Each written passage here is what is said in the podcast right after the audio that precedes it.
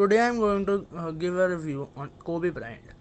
Kobe, Bean Bryant, born on August 23, 1978, is an Amer- American former professional basketball player. He played in his in his entire 20 years career with Los Angeles Lakers of National Basketball Team Association.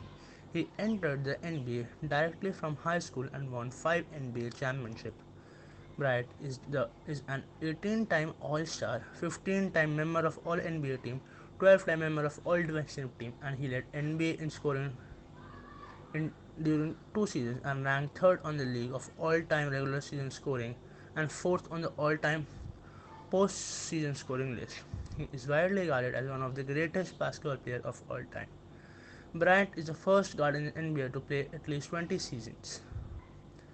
His his listed height is 6 feet 6 inches and weighted uh, weighted listed weight is 12.2.12 lbs. His high school he played from Lower Merion High School and was drafted in NBA 1996 uh, round round 1 pick 13th overall pick.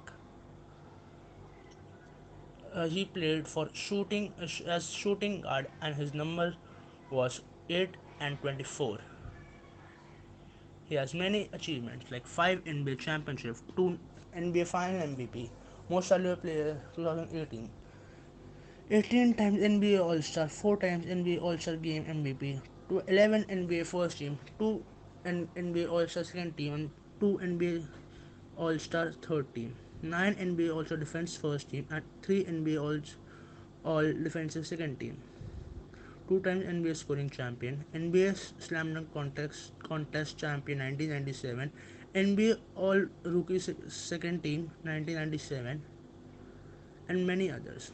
His total records are uh, his to- uh, career stats as, are as, as follows. His points are 33,643, which is 25 points per game rebounds are 7047 uh, 40, 47 which is 5.5 rebounds per game.